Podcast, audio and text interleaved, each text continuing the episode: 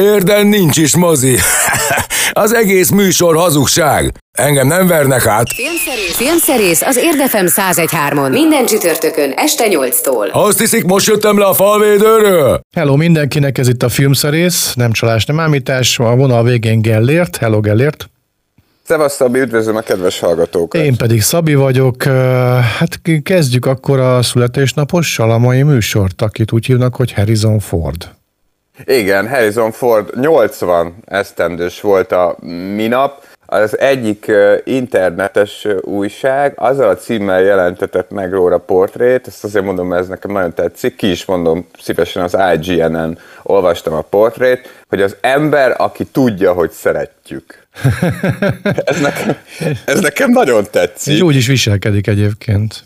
Igen, szóval, hogy e, e, ez azért nagyon jó megállapítás vele kapcsolatban, mert hogy ő szerintem nem csak tudja, hogy szeretik, de hogy tudja is ezt viselni. Igen. Tehát, Igen. hogy tud is ennek megfelelően viselni, mint, viselkedni, mint a sztár. Aztán, hogy a magánéletben egyébként állítólag annál jóval dörzsisebb, ember, mint amilyen a, a, az image az egy másik kérdés, de egyébként ilyen rettenetes sztorikat azért nem lehetett róla hallani, bár a Carrie Fishernek az egyik önéletrajzi könyvébe elég hosszasan ír, a legutolsóba egyébként, ami még a halála előtt jelent meg, vagy nálunk, nem tudom, nálunk már lehet, hogy a halála után jött ki, de hát Amerikába azelőtt. Elég hosszasan ír az ő románcáról Harrison Forddal. Volt ilyen? Ők, ők a Csillagok háborúja forgatása környékén egymásba kavarodtak, vagy habarodtak, de ha jól emlékszem, igazából ennek a sztorinak az volt a lényege, hogy a Carrie Fisher lett nagyon szerelmes a Harrison Fordba. Hát ezt nem csodálom. És a, a, a Harrison Ford meg nagyon nem volt jó fej a Carrie Fisherrel. Tehát, hogy az ugye a, a Harrison ford kapcsolatban van ez a, ez a ö, ö, kép a filmjeink keresztül, az Indiana Jones filmeken keresztül is, meg hát a nyilván a Han Solo figurájából is ez a ö, eléggé öntelt, az önmaga vonzóságával teljesen tisztában lévő macsó, akiben mégis van valamiféle eltitkolt érzékenység, és hogy állítólagosan egyébként a magánéletben is hajlamos ilyen lenni, már ami a, a, az önteltséget illeti. Tehát, hogy, hogy, hogy tisztában van azzal, hogy hatással van az emberekre, és hatással van a nőkre, és ezt, és, ezt, és ezt használja is, de egyébként meg a pályáját tekintve valóban nem nagyon tudunk róla vagy vele kapcsolatban mondani botrányokat igazából, ilyen nagyon tisztességes filmográfiája van, tehát ilyen nagyon-nagyon ciki dolgokat ő igazából nem vállalt. Rengeteg közepes filmje van, de, de nagyon-nagyon sok olyan szerepet is hozzá kötünk, ahol nem kifejezetten, mint filmsztár vagy mint szuperhős nyilvánul meg, hanem nagyon-nagyon sokszor játszott ő ilyen nagyon nehéz helyzetbe került esendő alakokat, akiket megvádolnak valamivel, vagy valamilyen... Szőkevény. Olyan, igen, olyan pácból kell, vagy az őrület, olyan fölfoghatatlan Hitchcocki helyzetből kell kijönnie a, a, amin keresztül megmutatják a Harrison Fordnak az úgynevezett emberi arcát, de hát persze játszott Horrorban is, igen. Horrort is játszott, meg hát a szuperhős amerikai elnököt is játszott, ugye Donald Trump kedvenc filmje az elnök különgépe, ezt nem tudom, hogy a kedves Ezt hallgatók tudják-e. Szerinte az a világ legjobb filmje, hát szerintem az egyik legrosszabb egyébként de az tény, hogy, hogy, hogy, hogy abban is nagyon, nagyon hatásosan alakítja ezt a nagyon tisztességes, ám de akciózásra is képes politikust, aki hát ugye megvédi magát és környezetét az Air Force One-on, Gary Oldmannel ellen, és hát ö, ugyanakkor meg a Harrison Ford szerintem azt is tök jól csinálja, hogy nekem van egy olyan benyomásom róla, hogy ő egy eléggé hiú színész. Tehát ő, ő, ő egy kicsit jobban szeret sütkérezni abban, hogy ő a Harrison Ford, mint amennyire ezt az imidzsével mutatja kifelé tehát egy ilyen összetett személyiség, ugye megmarad benne ez a kétkezi munkás, én csak egy, nem tudom én, ács vagyok. egyszerű ember vagyok, igen, én csak egy ács vagyok, ugyanakkor meg szerintem azért ő nagyon tudatosan is használta, meg használja ezt a filmsztárságot, ugye a Tom Cruise-zal kapcsolatban mondogattuk mostanában a szülinapja kapcsán, meg a Top Gun kapcsán sokszor, hogy ő az egyik utolsó filmsztár, aki így aktív, meg nem tudom, de a Harrison Ford is abszolút ebbe, bár ő ugye már azért kevesebbet játszik, abszolút ebbe a, a kategóriába tartozik. Hát valószínűleg neki a nagy színészi búcsúja egyébként a, a jövőre, azt hiszem jövőre mutatják be azt az Indiana Jones filmet, amit most fejeztek be. Valószínűleg ez a film lesz neki a búcsúja Úgyhogy meglátjuk, azt nem Spielberg rendezte végül, meglátjuk, szerintem biztos, hogy a forgatókönyvírók számoltak ezzel a felelősséggel, hogy itt nem csak egy karaktertől fogunk búcsút venni, mert hát ez biztos, hogy 80-on túl már több Indiana Jones filmet nem fog elvállalni. Tehát nem csak ettől a figurától fogunk búcsúzni, hanem valószínűleg a, a, a, a színész sem fog már olyan rettenetesen sok szerepet vállalni ezután. Szeretjük Harrison Fordot, most műsor ismertetés következik röviden, hogy legyen időnk beszélgetni mindenféle jóságról.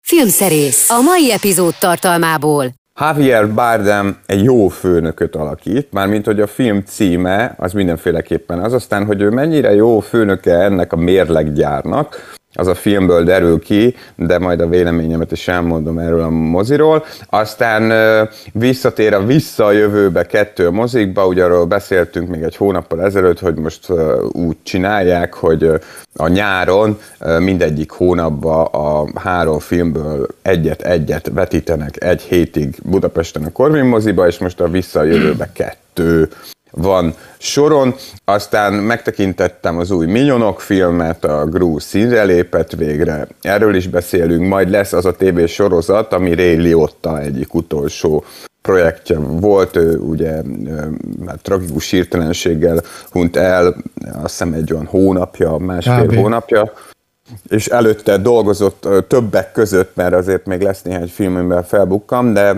többek között a Fekete Madár című Apple TV Plus sorozatban is, és ennek a sorozatnak az első néhány része már elérhető, és hát zeneileg Harrison Fordot köszöntjük az egész adásban, szerintem nagyon fincsi kis válogatást raktam össze a filmjeinek a zenéiből, úgyhogy ezzel színesítjük majd tovább a programot. És először a Birodalom visszavág zenéjébe hallgatunk bele, hogy a John Williams munkája, és azt a tételt hallgatjuk meg, aminek azt hiszem talán ez is a, az is a címe, hogy Han Solo és a hercegnő, vagy valami ilyesmi, de az a lényeg, hogy a két karakternek a romantikus viszonyáról szól. Filmszerész, a hét filmje. A Jó Főnök című filmmel kezdjük a mai műsort, Javier Bardem főszereplésével. Igen, és... a szót. Igen, hogy mondod? Átadám a szót. Igen, fő, Javier Bardem főszereplésével és Fernando León de Aranoa rendezésében. Ők már dolgoztak együtt egyébként többször is.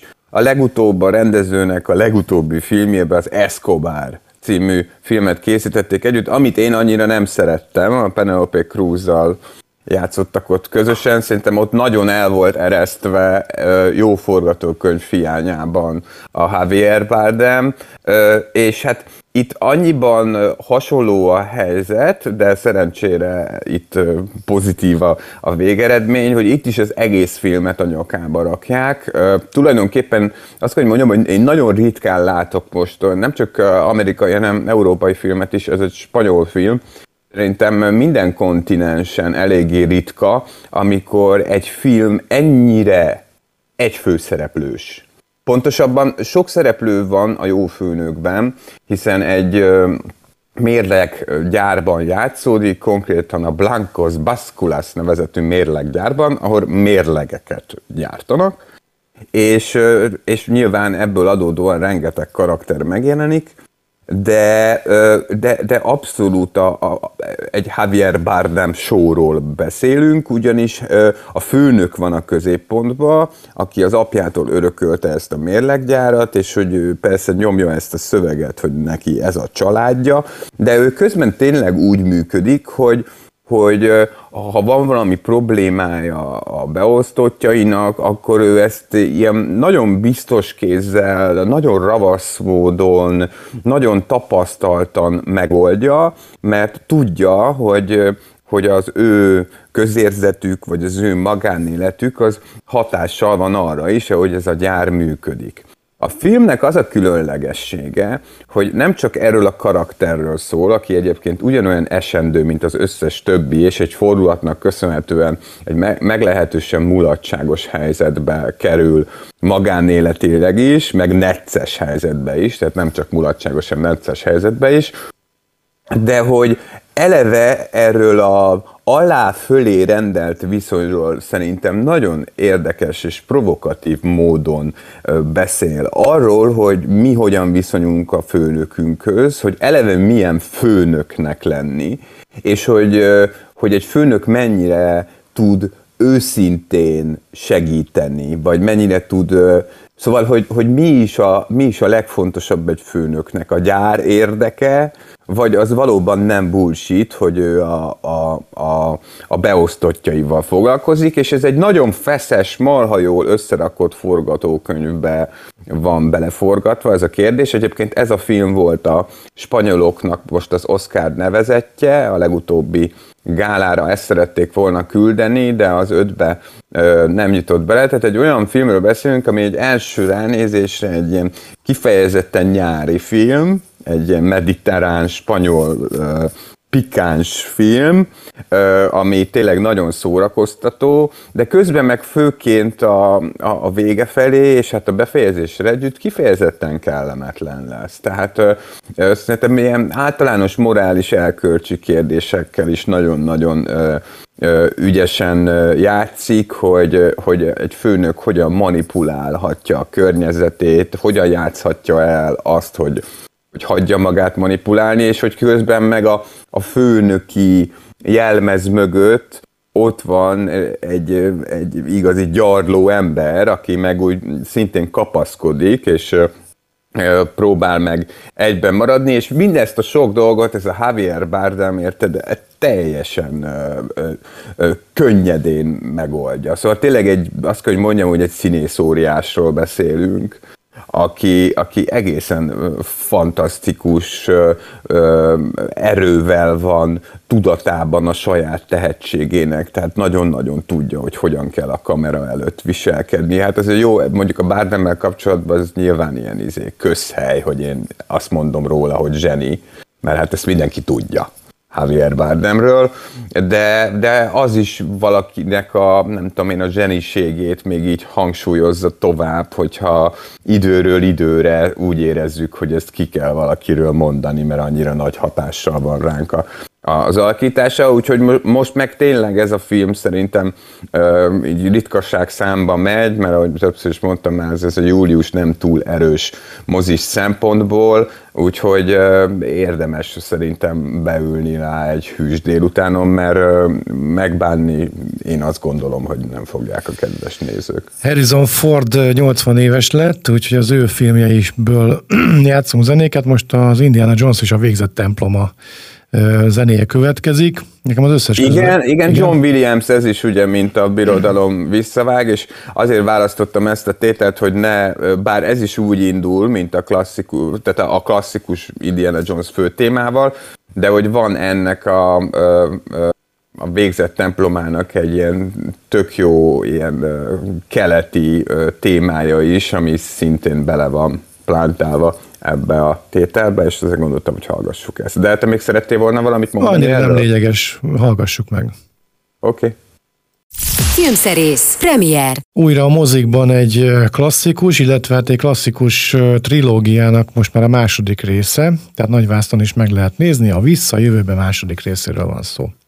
Igen, és itt is hangsúlyozzuk, hogy aki most megnézi a Corvin moziba, az az első szinkronnal nézheti meg, mert ugye kettő is van, és ennél a filmnél az eléggé fontos, hogy azzal nézzük, mert bár Rudolf Péter és Rajhan Ádám ugye kivette a részét a, a második szinkronból is, tehát hogy ott volt, ők voltak a hangok akkor is, de hát azért azon nagyon hallatszik azon a szinkronon már, hogy hogy hát megöregedett a hangjuk, meg hát mégiscsak a, a, az eredetinek az atmoszférája az, ami igazán működik, és valóban 1989-ben mutatták be először a Visszajövőbe kettőt, és ha ha a popkulturális jelentőségét vesszük a visszajövőbe sorozatnak, akkor én azt gondolom, hogy tárgyi szempontból, vagy motivum rendszeréből fakadóan egyébként ez a nagyobb hatású film, szerintem nem jobb, mint az első rész, mert szerintem az egyik legjobb folytatás, amit valaha készítettek,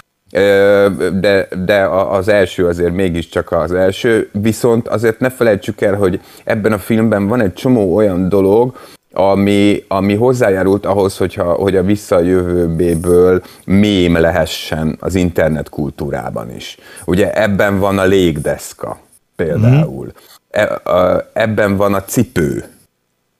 Az önbefűző a, cipő, igen. Az önbefűző cipő.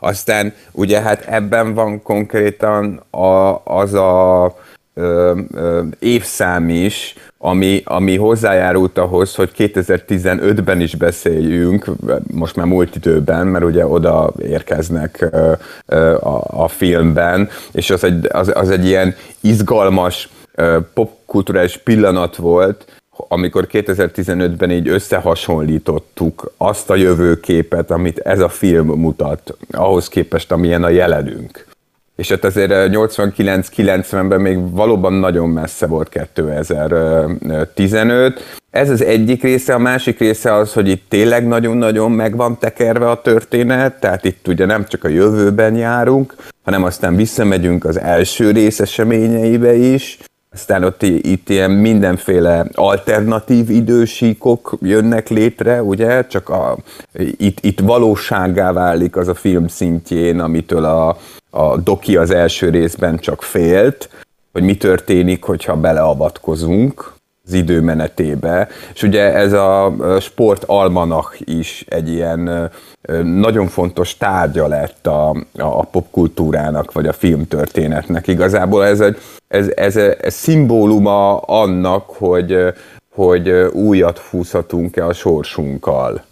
Ugye azóta is, hogyha, hogyha valahol szóba kerül, az, hogy, hogy milyen veszélyes lehet beleavatkozni ezekbe a dolgokba az időutazós filmekbe, akkor, ez, akkor nagyon-nagyon sok mindenkinek eszébe jut ez az almanak, és hát közben meg ez a film, ez sokkal inkább mer egyébként egy csomó ponton ilyen már-már hát ilyen karikatúra-szerű vígjáték lenni. Azért ne felejtsük el, hogy Michael J. Fox ugye nem csak a saját ö, ö, öregkori énjét játsza, hanem ő játsza a gyerekeit is, a, a, a fiát meg a lányát Igen. is ő alakítja, és hát ez ugye hát ilyet, ilyet Eddie Murphy szokott csinálni, meg nem tudom, szóval, hogy azért volt ennek szerintem némi veszélye, hogy túlzottan röhelyessé válik ez a dolog, de mégis olyan Zemekiszék olyan jól megírták ezt a forgatókönyvet, hogy,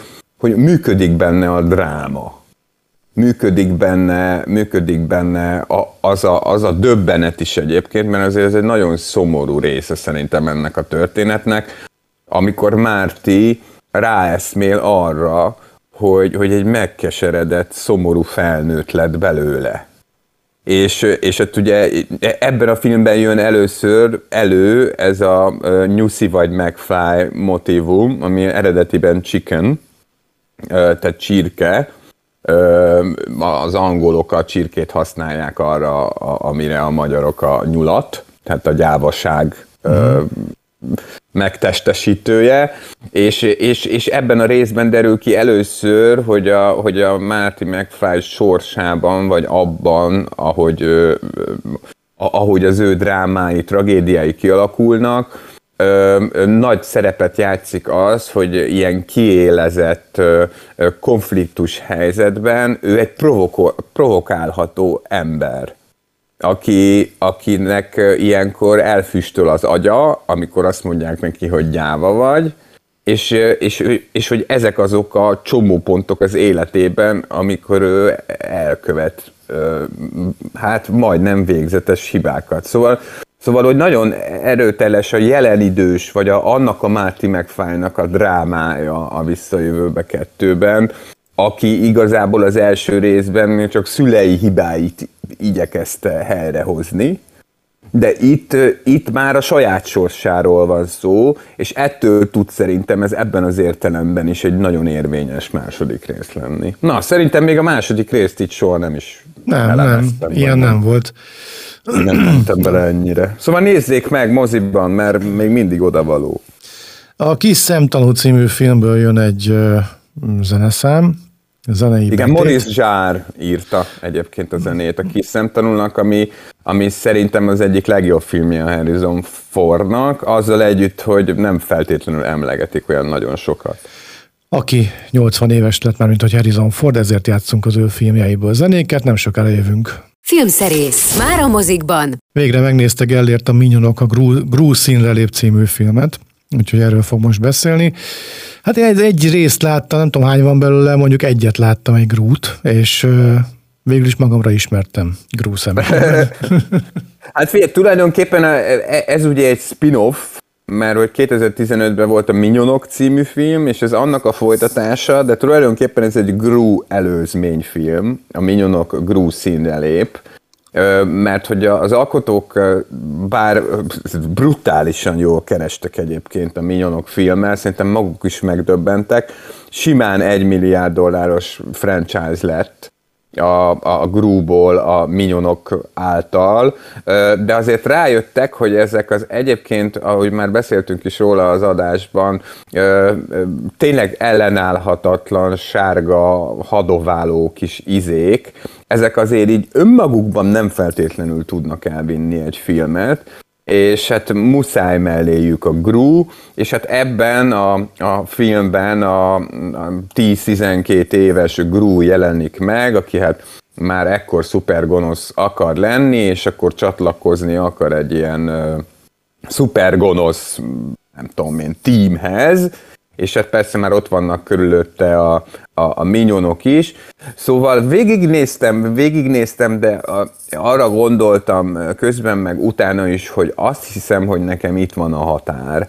Szóval, hogy, hogy, hogy valóban jókat lehet röhögni ezeken a kis lényeken, de már annyira csak és kizárólag arról szól ez az egész, hogy ők beöltöznek lánynak, meg, meg így verik át egymást, meg, meg ezt hadoválják, meg azt hadoválják, hogy, hogy azt éreztem egy óra után, hogy mivel maga a történet ez meglehetősen kiszámítható és nem túlságosan eredeti, ezért be kéne érnem ezekkel a sárgaságokkal, de ezek a sárgaságok meg egy idő után már elkezdenek fárasztani. Tehát az, amikor már így, tudod, va- va- van ez az érzés, amikor már nem is feltétlenül veszed észre a következő poént, mert, mert már annyira, jaj, hagyjuk már. Már nem tudom már, amikor már ezredszerre... Ö, Ugyanarra a sémára, igen. igen, ugyanarra a sémára vicceskednek, akkor, de azt egyébként nagyon lehet rajta érezni, hogy, hogy a célcsoport, tehát a, a, a, az óvodások és a kisiskolások, azok valószínűleg rettenetesen jól fognak rajta szórakozni. Hát emlékszünk mi is erre az időszakra. A gyerek az olyan, hogy neki a 20. ö, segberugós, meg segreesős, meg bananás poén is ugyanolyan vicces. Sőt, ha, ha visszaemlékszem arra, hogy mondjuk kisgyerekként én mennyire ö, ö, nem tudom én voltam ö, hát poénérzékeny, szerintem a gyerekeknek, hogyha ö, csinálsz egy filmben egy igazán nagy poént, akkor az úgy az egész filmet elviszi. amin úgy igazán nagyon tudnak kacagni. Most hirtelen az jut eszembe, hogy a 101 kiskutya, ami azért legalább annyira thriller, mint uh, vígjáték, ugye ott elrabolják a kutyákat, meg minden, hogy én emlékszem, hogy, hogy nekem az maradt meg a legjobban, hogy ez mennyire mulatságos volt, hogy a pongó az egyik betörőnek kiharapott egy darabot a nadrágjából és még utána is nem tudom én, napokkal, meg hát évekkel utána is arra emlékszem, hogy én ezen mennyire nevettem a, a moziba. Szóval, hogy ezt csak arra akarom kihozni, hogy a gyerekek szerintem sokkal hálásabbak a, e, e, ezekért a filmekért, vagy az ilyen típusú vicces filmekért, mint a felnőttek. Minden esetre azért meglátszik, a, legalábbis a magyar bevételeken meglátszik, hogy van egy érdekes átalakulás, mert az első rész az bőven 100 ezer felett nyitott nálunk, nem tudom, 140 ezer, valahogy így, nem akarok hülyeséget mondani, ez a Minyonok Gru színrelép pedig hát száz alatt, nagyon száz ezer néző alatt nyitott, úgyhogy most valahogy tényleg úgy tűnik, hogy mint, mintha a, a családok nem járnának annyira moziba.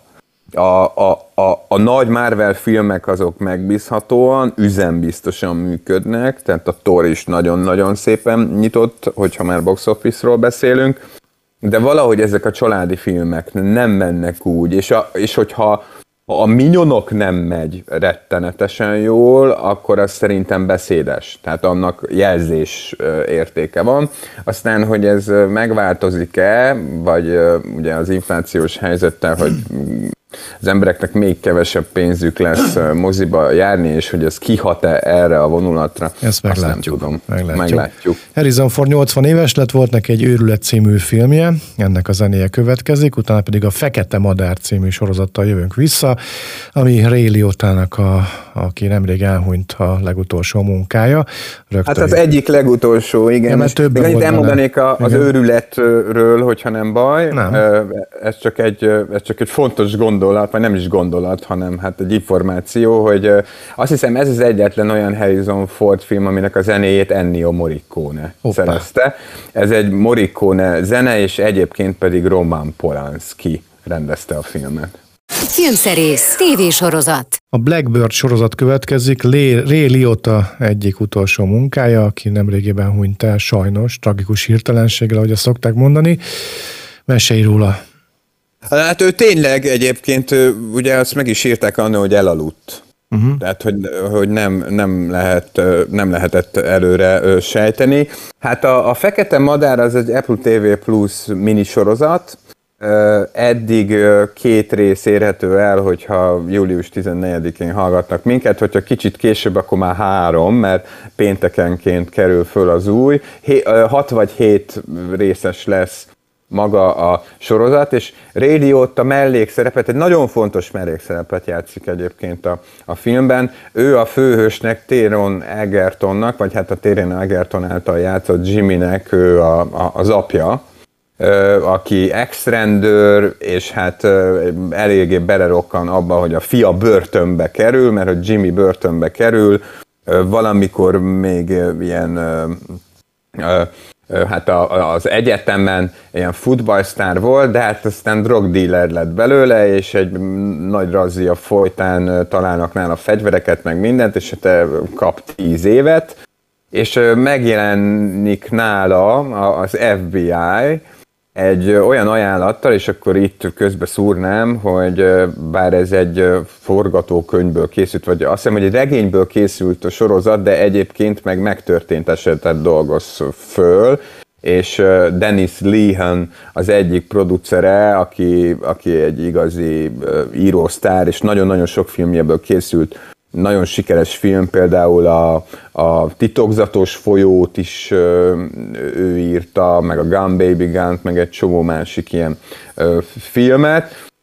Szóval, megjelenik a srácnál a börtönben az FBI, és tesz neki egy ajánlatot, hogy átviszik egy, egy sokkal szigorúbb börtönbe, ahol elmebeteg, hát leginkább sorozatgyilkosok ülnek a rács mögött, és abban a börtönben ül egy kégy sorozatgyilkossággal gyanúsított személy, akit Paul Walter Hauser alakít, Larry Hall, akit nagyon-nagyon-nagyon sok nő és lány meggyilkolásával vádolnak, de nem tudnak rábizonyítani nagyon sok mindent, mert nem találtak meg rengeteg holtestet. És az FBI kitalálja, hogy keresnek egy embert, ez a Steron Egerton, aki összebarátkozik ezzel a figurával a börtönbe, és az az ő feladata a büntetésének, elengedésének fejében, hogy, hogy információt adjon az FBI-nak arról, magyarán kiszedje ebből az emberből, hogy hol találhatóak a holtestek, és közben pedig párhuzamosan ilyen flashback-szerűen láthatjuk az évekkel korábbi, 90-es években vagyunk egyébként, az évekkel korábbi eseményeket, amikor is ezt az embert, a Larry Holt, ezt a sorozatgyilkost elkapták, és a Greg Keener alakítja azt a ö, rendőrt, a kisvárosi rendőrt, aki nyomozott az ügyben. Tehát, hogy egyrészt láthatjuk azt, hogy hogyan alakul ez a dolog, hogy a Tyrion Egerton oda megy a börtönbe, másrészt meg látjuk azt, hogy hogy jutottunk el idáig, és hogy miért van szükség erre az akcióra. És a két dolognak a meccés pontjában vannak kérdések, és egyelőre még ebből a két részből nem derült ki, még nem jutottunk el az a meccés ponthoz. Szóval, hogy sokat szóra bebizonyosodik, hogy az Apple TV Plus-on lehet, hogy kevesebb a content, mint a Netflixen, meg az HBO Maxon, meg nem tudom, a Disney Plus-on, de hogyha ezek csinálnak egy sorozatot, akkor az általában, ha nem is zseniális, de mindenféleképpen képvisel valami olyan minőséget, ami hát a többi streaming szolgáltató nem feltétlenül mondható el. És egyébként meg nagyon, hogy Réliótával kezdtük a megszólást, hogy fejezzük be vele is, nagyon, szóval viszonylag ritkán esik meg ilyen, bár azért elő szokott fordulni, hogy, hogy meghal egy híresség, egy színész, és akkor utána egy teljesen új, addig nem látott produkcióban láthatod, és akkor úgy nézed őt, hogy már tudod, hogy nem él. Igen. És ez nagyon, E, ez szerintem nagyon zavarba ejtő érzés nézőként egyébként.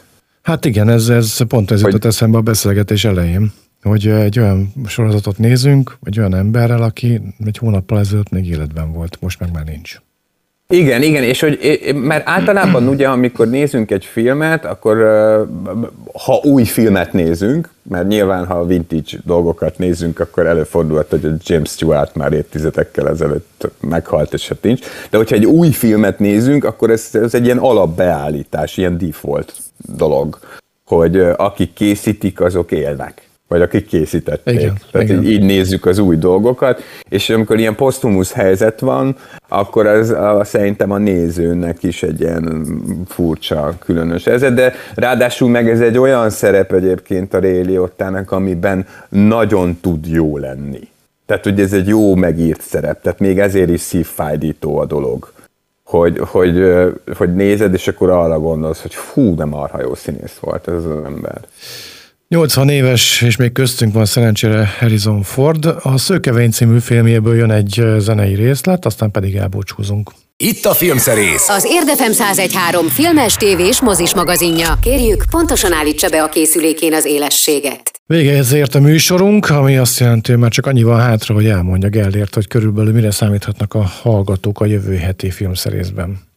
Hát most leginkább arra számíthatnak, hogy most aztán tényleg nagyon streamingelni fogunk, mert a jövő hét, júliusban már tényleg az a hét, amikor alig lesz valami a moziban. Még erről a hétről marad a Rimini című osztrák film, ami egy ilyen kőkemény arthouse film, de olyan nagyon-nagyon sok minden nem érkezik most egészen egyébként július legvégéig, amikor a DC Szuperállatok Ligája című animációs film megérkezik, aztán a Brad Pittnek az új filme is csak augusztusi, szóval most, most tényleg a nyaralási főszezon van, és a forgalmazók is úgy döntöttek, hogy hogy ennek megfelelően nem nagyon küldenek semmi nagyon érdekeset a mozikba, úgyhogy biztos, hogy beszélünk majd a Gyilkos a házban című sorozatról, amiről már éppen időszerű beszélni, mert már a második évad is elindult, és most már szinkronizáltan is nézhető a Disney Plus-on.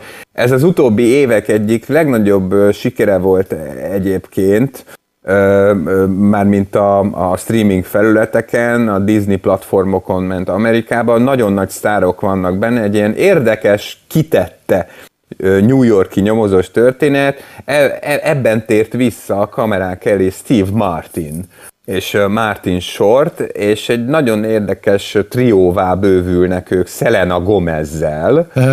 és, és az, az az alaphelyzet, hogy ők egy, egy New Yorki bérházban élnek, és ők ilyen podcast függők, ilyen true crime podcast függők, akik nagyon szeretnek ilyen történeteket hallgatni, és hát történik egy gyilkosság az ő házukba, és összeáll ez a hármas, hogy kinyomozzák, hogy ki ölte meg a lakótársukat. Ezek egyenként félórás részek, és eléggé nagy siker volt, és nagyon érdekes stílusa van. Egyébként egy picit a 80-as, 90-es évek vígjátékeit idézi meg, közben meg nagyon is mai egyébként a, a szerkezete, tehát egy na- nagyon is mai sorozatról van szó, de még majd ezen kívül is ajánlok majd a streamingről néhány olyan dolgot jövő héten, ami szerintem megtekintésre érdemes. Köszönjük a mai figyelmet, keressék a podcastjainkat, ezt az adást is meghallgattatják rögtön a, a, az adás után a különböző platformokon, Gellért meg elmondja, hogy melyik zeneszámmal búcsúzunk. Hát egy Harrison Ford filmnek a nyitó dalával fogunk, Kelly Simon fog nekünk énekelni a Let the River Run című dalban. Ez az a ez az a film, a dolgozó lány, ahol ugyan Harrison Ford főszereplő, nagyon fontos főszereplő, de hát Melanie Griffith és Sigourney Weaver viszik igazából a, a sót, de ezt is ajánlom egyébként mindenkinek, mert hogyha ha Harrison Ford nagy filmjéről van szó, akkor ezt mindenképp érdemes megnézni, szóval ezzel búcsúzunk, és ha minden igaz, akkor jövő héten újra találkozunk, ahogy ezt általában mondani szoktam, és eddig általában szoktunk is találkozni, úgyhogy most is elmertem ezt mondani. Minden jót, vigyázzanak magukra! Ez volt a Filmszerész, az Érdefem 1013 filmes tévés mozis magazinja.